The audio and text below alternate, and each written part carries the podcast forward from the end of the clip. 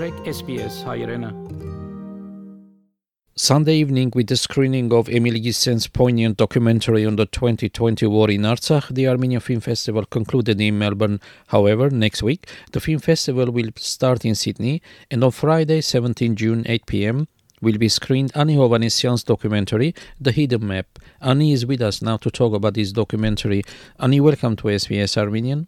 Well, thank you very much, Vahe, for for having me. I appreciate it, and I appreciate your program that connects everybody and uh, brings us together across the world. Yeah, and uh, Ani, I'm delighted you accepted my invitation uh, for an interview. A bit about yourself. Who is Ani Hovannisian? Who am I? I am a Fresno, California born Armenian. I am the granddaughter of genocide survivors, as so many of us are. My grandparents, Hovagim and Khungui Kocholozyan of Erzurum and Ordu. My grandparents, Kaspar and Sirun Hovannisian of Kharpet.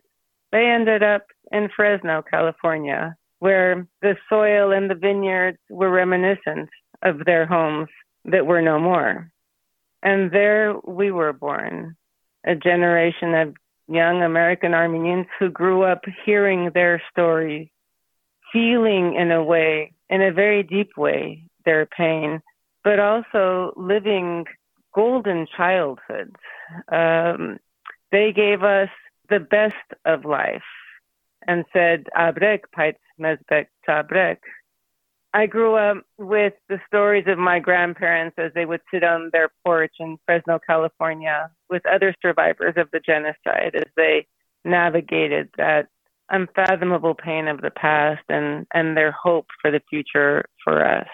And so their stories of loss, truly of loss, of having lost their families, their homes, their heritage there, their nation, everything, that seeped into us into me and uh, became a part of my identity. But so did their strength and their resilience and their just humanity, their complete humanity. And that also shaped us and shaped me. So who am I? I'm an Armenian living in America, feeling connected to all Armenians around the world and feeling that our story is a part of the human story and human experience that everybody needs to know about. I grew up as a um, broadcast journalist. I went to school for broadcast journalism and I was a producer and director in television, mainstream TV here, producing shows for a long time, nonfiction programming, reporting for Armenian TV. So I always knew that I would one day tell our story. I knew that I would tell it in a big way for many people to know. I just didn't know how or when it would happen. And that came to life with the creation of my documentary, The Hidden Map. Yes, Ani, what's the background story of your documentary? How the project started? Well, my father is a professor at UCLA. His name is Richard Hovannisian.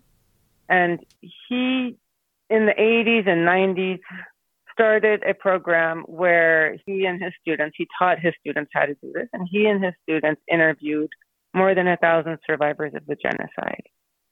He spent his life teaching our story. I was also his student.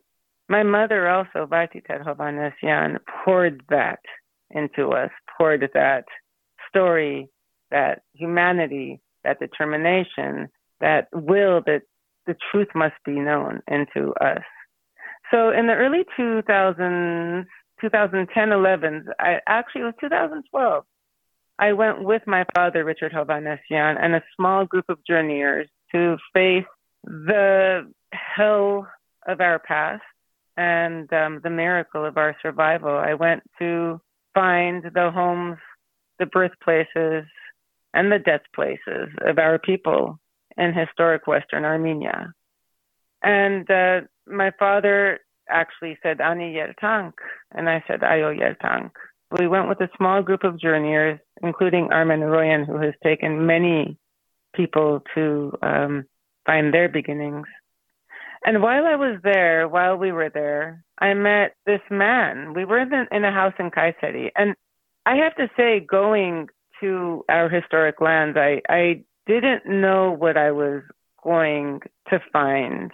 So the first time I saw traces of things of Armenian, of our past, pieces of gravestones or khachkars or Armenian writing and buildings, I just, my heart dropped. I, it dropped and it filled at the same time. I, I was thinking here they've broken up a, a cemetery and they've used those stones to make a park wall. Uh, so it's heartbreaking, but at the same time, it's evidence of our past, of it's evidence of our existence, and and so it's this very uh, conflicted feeling. You're happy in one sense, you're devastated in another sense, and you find a piece of yourself in another sense. But what happened is we were in Gesaria, and we went everywhere. We went everywhere from Asia Minor, where there used to be near near near Bolis, where there used to be hundreds of cities and villages that had big Armenian populations, even though they weren't a part of Armenia, all the way through Giligia, all the way east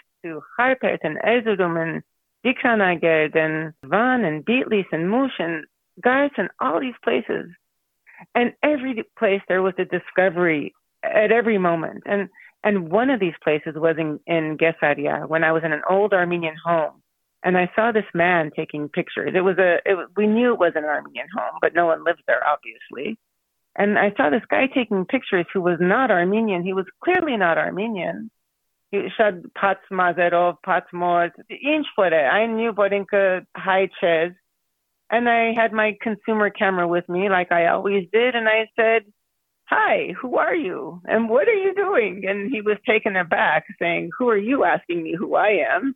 But it ends up his name is Steven Sim, and he's this Scottish explorer who had stumbled upon our lost past, our relics, what's left of our thousands of years of civilization. He had stumbled upon that 30 years earlier as an architecture student from Scotland doing some summer project on medieval architecture. And he came across Ani and he came across Khtskonk and he came across Armenian things. And he was so taken by the majestic beauty and devastation of that beauty that he spent the next 30 years documenting, going back every year by himself to our land to see what's left and documenting through photographs, mostly through photographs. So I met this man and I befriended him and um, I didn't befriend him. I respected him and I followed him and I asked him many questions. I probably annoyed him. He doesn't like really talking to people. He likes focusing on our structures, on our relics and the stories they tell. But I convinced him. I convinced this man who'd been traveling alone for 30 years to allow me to follow him. And so the following year we set out together, I, an Armenian American, in search of my beginnings and also wanting to understand him and to discover with him the treasures of our past and of our creation that he had so passionately, really taken hold of and documented for more than three decades. And I say passionately, not in the even more than in a human way. It's like he looks at our relics as if they are, well, as if actually, as if they are human, as if they, and as if they are the keepers of our story as if they hold the key. You that those relics you turn the key and you open the door and you enter into the world that would otherwise be lost and hidden. And so uh, that's how my film kind of that that spark that was in me to tell our story turned into a a flame and then turned into the hidden map. Uh, it was going to be a story about him but it ended up being the coming together of both of our perspectives and the stories of the people we encounter along the way. I care about people and people's stories. So he's about the relics, I'm about the relics and him, and about the people and the voices that need to be heard, past and present. Mm-hmm. And uh, how long it took to make the film? Oh, it took a long time to make this. It took seven years to make this film because while I had help along the way, I had a, a friend who was a cameraman for some of it. He actually became sick in Mush and was hospitalized for almost a week. I had a, a, a few friends with me along the way, Peter Masterlian and Sharon Chakijian who helped and, and an interpreter. Uh, and then friends here who helped us some degree. And but really, truly, this was a fruit of seven years of my completely committed. It wasn't labor. It wasn't labor. It was my desire and my need and my, it was part of my being to create this. So I shot much of it. I produced it. I directed it. I edited it. I went through hundred, more than a hundred hours of footage. I narrated it. I learned to do things that all these years as a producer I hadn't done. Uh, I had teams of people helping me. This I did by myself, and I shaped it and reshaped it and revisited it, and it wasn't done. And my mother would say, "Ani ashchada My beautiful mother, Mama Valt Valtited, who is now smiling upon us and me from from above, seeing that the world is seeing it. But um, it took a long time to make because I wanted it to be a story that is a lasting testament of truth and a living testimony that is given life and gives life by being seen by many people, uh, Armenian and not Armenian. So I worked and worked and worked until I felt al աշխարհը գրնա դեսնել եւ պետք է դեսնե։ Ուրեմն այդ օրը հասած է եւ երախտաբար դեմ լեցուն գզգամ, լեցուն գզգամ, որ այդ պատմությունները, որ մեծ մայրիկները, մեծ հայրիկները չգրցան փոխանցել կամ այդ պատմությունները կամ այդ հոգիները կամ այդ ավերակները որ մինակ մնացած են այդ հողերուն մեջ կամ դակ լավ գզգա որ գրծա ես երթալ եւ թփնալ եւ ծևով մը նորեն կյանքի փերել եւ ոչ թե կյանքի փերել but yeah to give them voice again it is very filling to know that the remains of our civilization of, of our religion, of our churches, of our monasteries, of our schools, and of our music and food and the vineyards and of everything, of the people. I'm glad that they are no longer hidden, that we were able to uncover that and to uncover everything that's hidden beneath the surface of modern day Turkey in order to give them life anew in our lives and also hopefully continuing for generations to come and the lives and consciousness of those who follow. Ani, when making the documentary, uh, did you plan your journey? Say on a map, you said, "I want to visit, you know, these uh, vilayets, these uh, provinces, this city, you know, villages," or uh, Steven was unofficially uh, your guide. You followed him, or you decided we together? did it together. Mm-hmm. We did it together, and it took a long time to do first of all, you can't plan everything because things happen every day. I mean, I was there for uh, on that trip with him for nearly a month, and every day there would be twists and turns and discoveries that no one could ever predict. But as we were planning it, there were places I wanted to see that I had read about and learned about and heard about, and that I had not yet seen, or that I had seen but wanted to see again and learn more about. But there were also places where you know, Steve's been going all these years, and there are places he wanted to see where he had not yet been, or places he had been, and he said, Ani, you have to see this. This is Khtskonk, for example, these thousand year old churches right outside of Gus, and it's where he first went, and we, boy, we hiked. I mean, you think, how did the Armenians make these monasteries, create these, these gems of creation out so far from any sort of um just in very remote places, but there were places like Khtskonk where he wanted me to see, even though he had been there before, where there were five beautiful churches, and now there is just the remains of one that's exploded out. And that was exploded not in 1915, but in the 40s or 50s by the Turkish military, because after anything that was left, they still tried to get rid of it. So there were places we went because he wanted to open my eyes to them and the viewers' eyes to them. Places I wanted to go, and then places where he had never been and where he wanted to. Um, there's always more. There's always more. No matter how much you think you've seen, I mean, some people think there is nothing, but there is so much. If you just keep digging and keep looking, there's always more to find. and it's that that more to find that probably was the most exhilarating of my um, journey with Steve because I saw him also come to life and how what keeps him going and ticking and pan idan aduna aspes when he when you find a hidden chapel that nobody else has seen for who knows how many hundred years or um you locate this shadow on Google Maps and you we go and you plot out how you're going to get there and we were lucky we rented a car but sometimes when he does it by himself he does it with local transport with buses and so forth. So boy he he also was happy that we would have a car. Very basic it was a very basic journey. We just stayed in basic places ate basic bread and cheese and whatever to get us nourished and uh, and a car to take us places.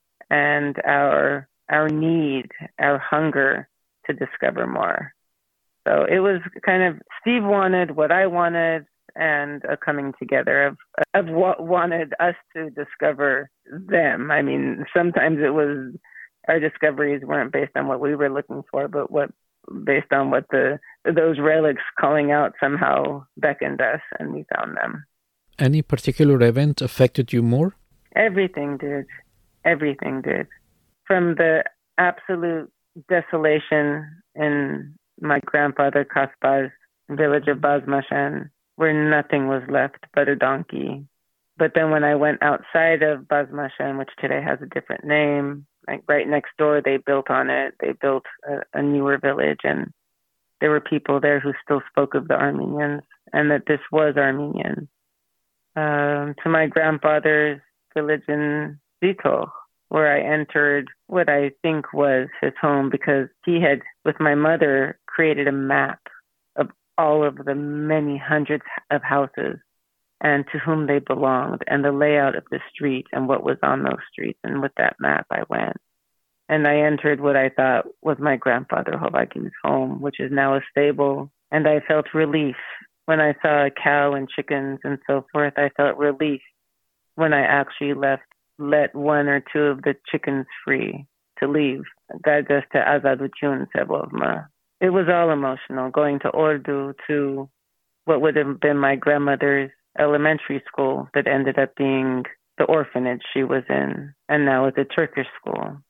It was emotional being in Mush and where I met people who told the stories of the Armenians and who were brave enough to say, yes, I am Armenian. People who still have the need, the desire, the courage, the courage in that land where they're, it's taboo to be Armenian still. They have the courage to want to claim their identity, to explore their identity, to be Armenian.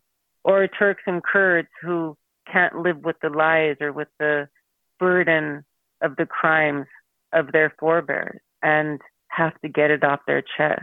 They speak the truth. That is very emotional, very moving, and very telling to me because it tells me that as much as the government tries to and does deny, and as much as the world doesn't care about the genocide, but particularly talking about Turkey's official and continual and any means possible denial of the genocide, which is a continuation of it in, in, in some way, and the cultural genocide too. But it made me realize meeting these people that there is still hope.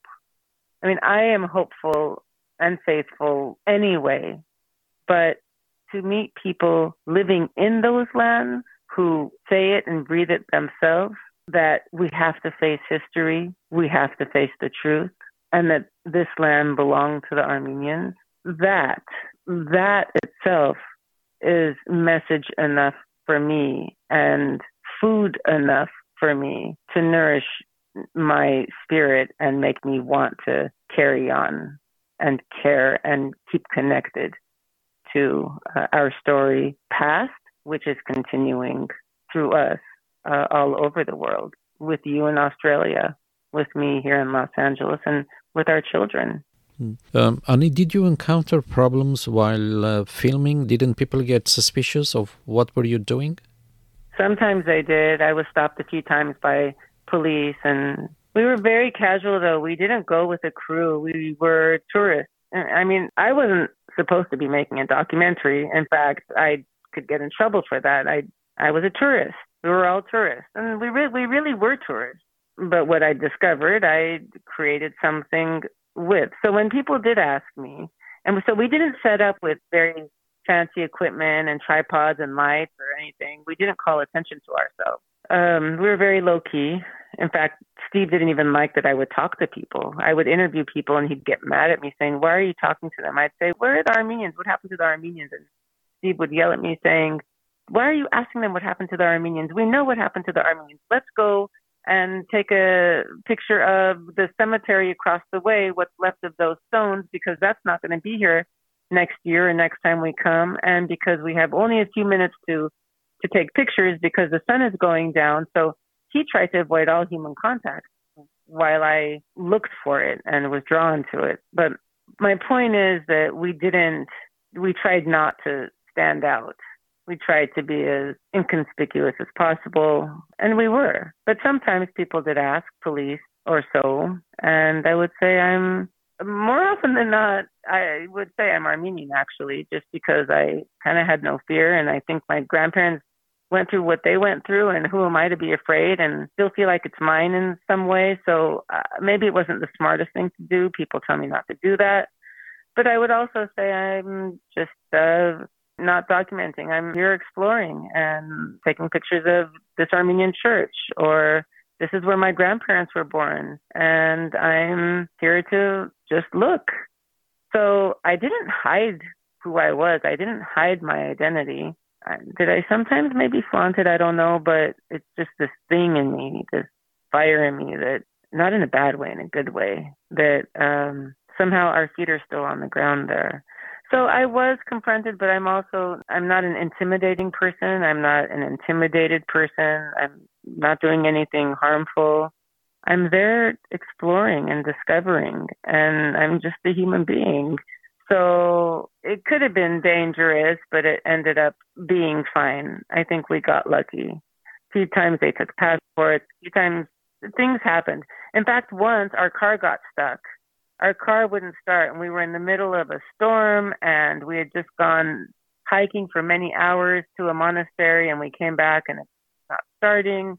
And then we had to go to a main, I hiked to a main road and stopped the shoe salesman or a shoe deliverer, and then he called the police, and then the police, the Turkish military came, and oh, it was such a, it was such an adventure, and bad, bad things could have happened. They even took us to their military base, but it ended up we just needed a battery charge, and they charged our battery and uh, gave us snacks. And these were just young Turkish soldiers who were doing their time. They they knew we were Americans and they didn't actually ask, why is your car stuck here in the middle of nowhere? So somebody was watching over us that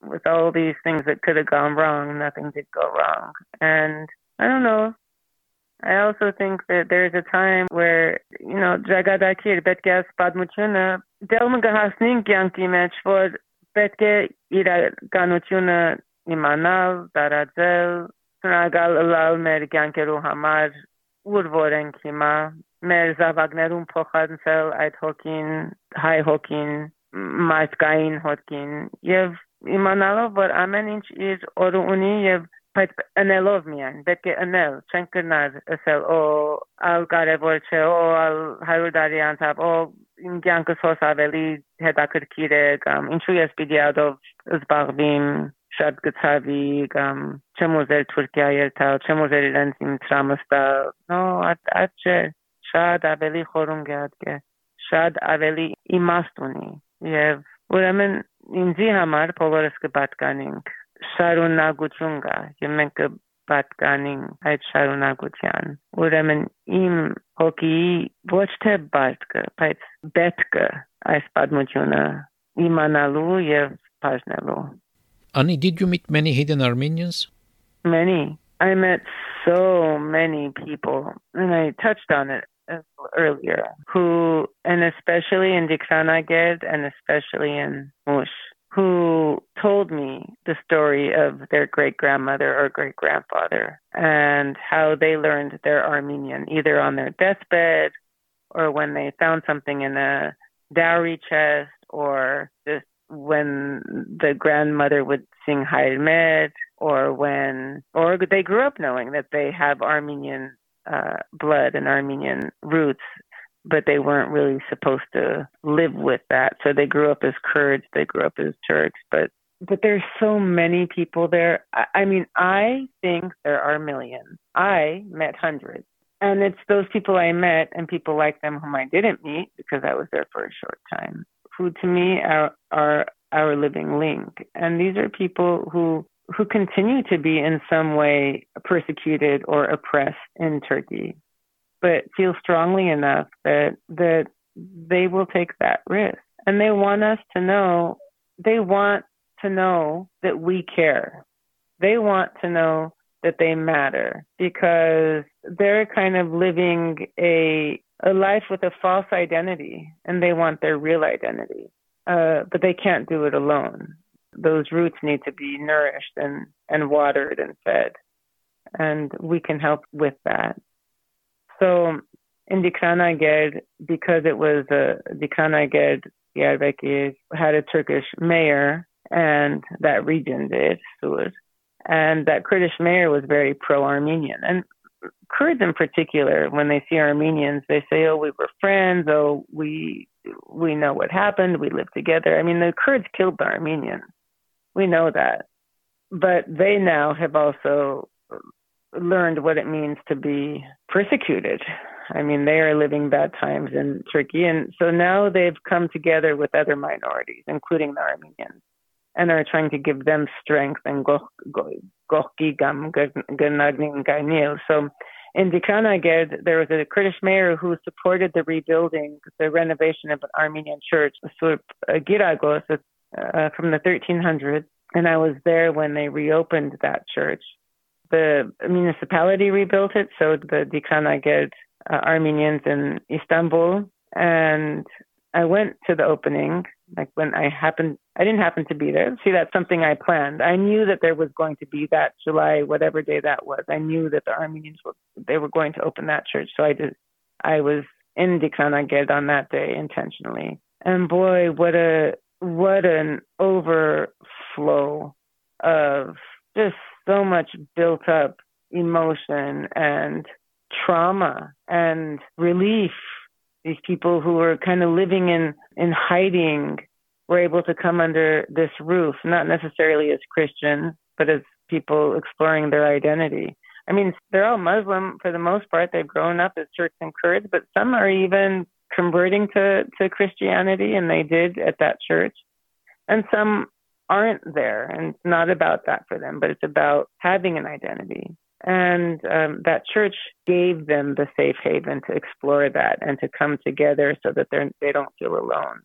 And that's in the film too. And that's the hopeful part of the film. I mean it's for me a climactic moment and yes there are many hidden armenians who don't want to be hidden anymore and there are many hidden armenians who will remain hidden probably unless who knows i don't know but in being able to tell this story and go and, and discover it myself, see, it becomes real. It doesn't just become, it's not just a word. It's not just the words hidden Armenians.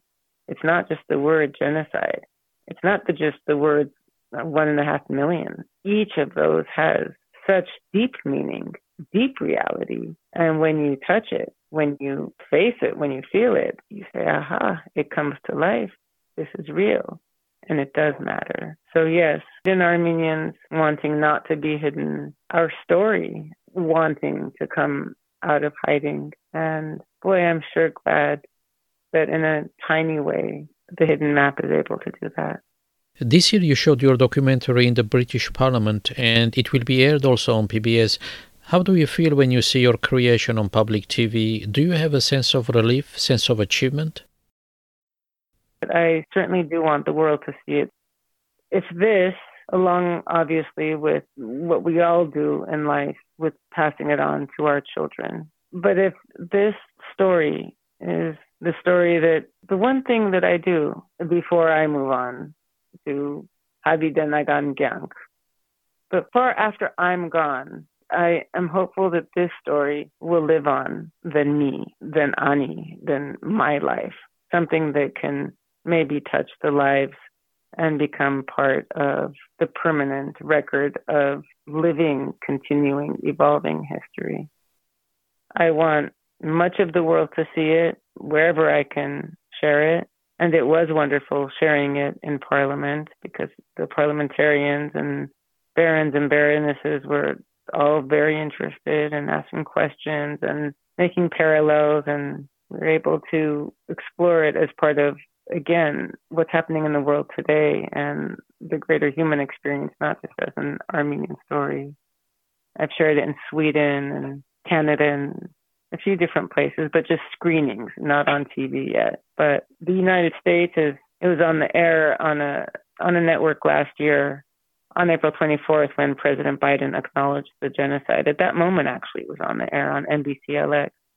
But the fact that it's going to be airing now, today, today, Sunday, June 5th, is really, in, in my life, a historic moment because it is today that begins to be broadcast in hundreds of cities across the United States, large and small, with and without Armenian communities. So that to me is oh so filling. And i don't think i could have imagined it or asked for a better home than public television where where they put on programs that are probing and that people watch and learn from very attentively and so i really hope to awaken many people's conscience and consciousness and engage them. Um, Ani, uh, were you in Artsakh in 2020? Yes, I went to Artsakh in 2020. I had been there a few years before with my daughter Sophie's uh, class at Ferrahian Armenian School here. Here, we're lucky to have Armenian schools, and those schools, when when kids are in 11th or 12th grade, take the students to the homeland that is today of the Republic of Armenia and in some cases Artsakh. So I went with my daughter. I didn't go with her, but I was there at the same time and I was documenting some of what they were experiencing in Artsakh. And it was so alive. And we were there. I remember it was International Children's Day. And in the center of Stepanakert, there were thousands of youth, girls, boys, dancing, singing, performing. Life was buzzing. And I didn't imagine that when I went two years later, it would be, in a sense, kind of a continuation of what we saw Turkey do. It wasn't completely destroyed, but Stepanakert was emptied and just a few flickerings of, of human motion and, and breath. And then the outlying areas also and our monasteries. And there's a Dikranagerd there, and there are monasteries and chapels and churches. Not just, it was almost not real. Like to be driving and seeing villages burning. So there was a lot of destruction outside of Stepanakert. In Stepanakert, there was destruction too. They had bombed it. There were apartments and marketplaces and churches there were, that were bombed, hospitals. But the city was still pretty much intact, but like a ghost town. But once you went out to these villages, it was eerie. It was heart wrenching, just gut dropping to witness that. And it was happening in front of my eyes. I mean, I went when there was supposed to be a ceasefire and when Armenia had agreed to give up some of this land and some of that. And it was devastating. And I knew that I was there for the last few days, that those would for now be Armenian, and that in a few days later, it would no longer, I guess, on paper or in, I don't know, it would, it, I know we would no longer be allowed to go there. And that was so difficult to swallow, to, to kind of accept. But so it was. So emotional thinking about it because I see it in front of my to see this Dikranagerd where there was Armenian, there was a, a museum with Armenian artifacts from thousands of years ago, and right above it there is a church. I mean, to see that all emptied out and barren, and I mean, some of it had been taken to Armenia for safekeeping because they knew this was going to happen, but some of it was so big they couldn't move it. And I thought, where the churches, the crosses, I knew that tomorrow, the next day, those would be the victims of cultural genocide, and and so it is. It's happening in front of our eyes. I'm not without hope. Many people are without hope. Many people say, I'm done, that I'm no longer going to waste my time and life worrying and caring about it because look, we came together in 2020 with Artsakh and gave and gave and gave as a Armenian diaspora of the world. And then what happened? And they gave Shushi away and they've given so much away and so people say, I'm done with Armenia, I'm done with Artsakh, let me just live my life. There is no turning back. But I think I have a different perspective, partially maybe because I'm an idealist or a romantic, or I just refuse to accept surrender. But that happens because I know where we come from and because I have myself witnessed what we have endured as a people. I have witnessed on the land where we were created, our magnificent creation. And despite every effort of Turkey to destroy it, to destroy us, and despite every reality that the world doesn't care, for the most part, we're here. We're here. And we have survived and endured, and we're here, and we're everywhere. So I'm not a fatalist.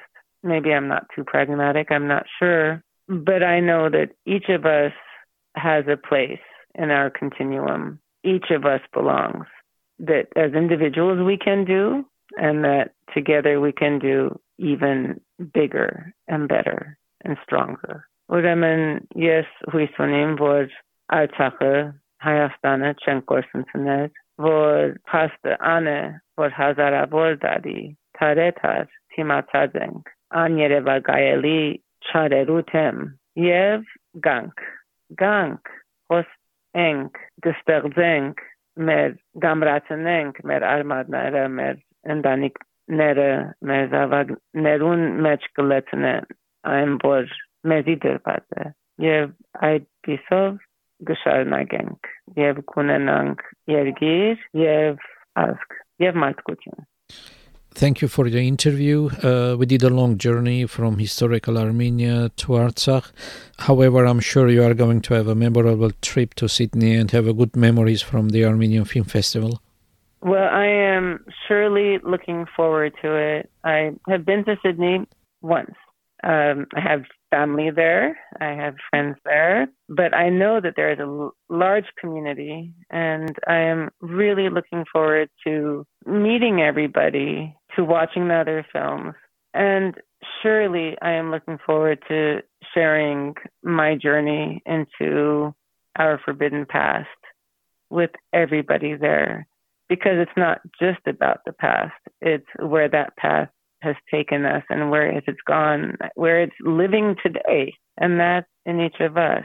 So I look forward to a eye-opening, exciting, just wonderful visit with everybody in Sydney. I hope we have a robust audience where we view and journey together and where we have a very open and, and lively conversation with one another after the film where uh, I will be uh, speaking with the audience and, and taking your questions and I don't know, journeying in a different way, person to person. So thank you very much. Thank you for having me. Thank you to the Australia Armenian Film Festival for all of your efforts in, in creating this wonderful opportunity year after year. I know that it was hard for a few years and had to take a little break, but I'm glad that you're back. I'm glad that you're doing it. I know it's a lot of hard work. Thank you for making the hidden map and making me a part of it.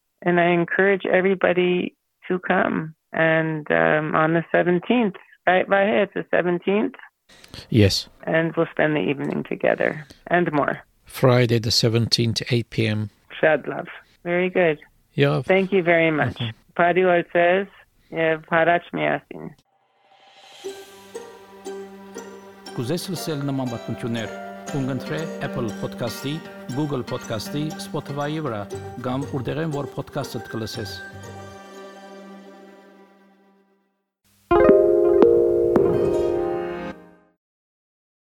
SBS is Australia's most trusted multilingual broadcaster.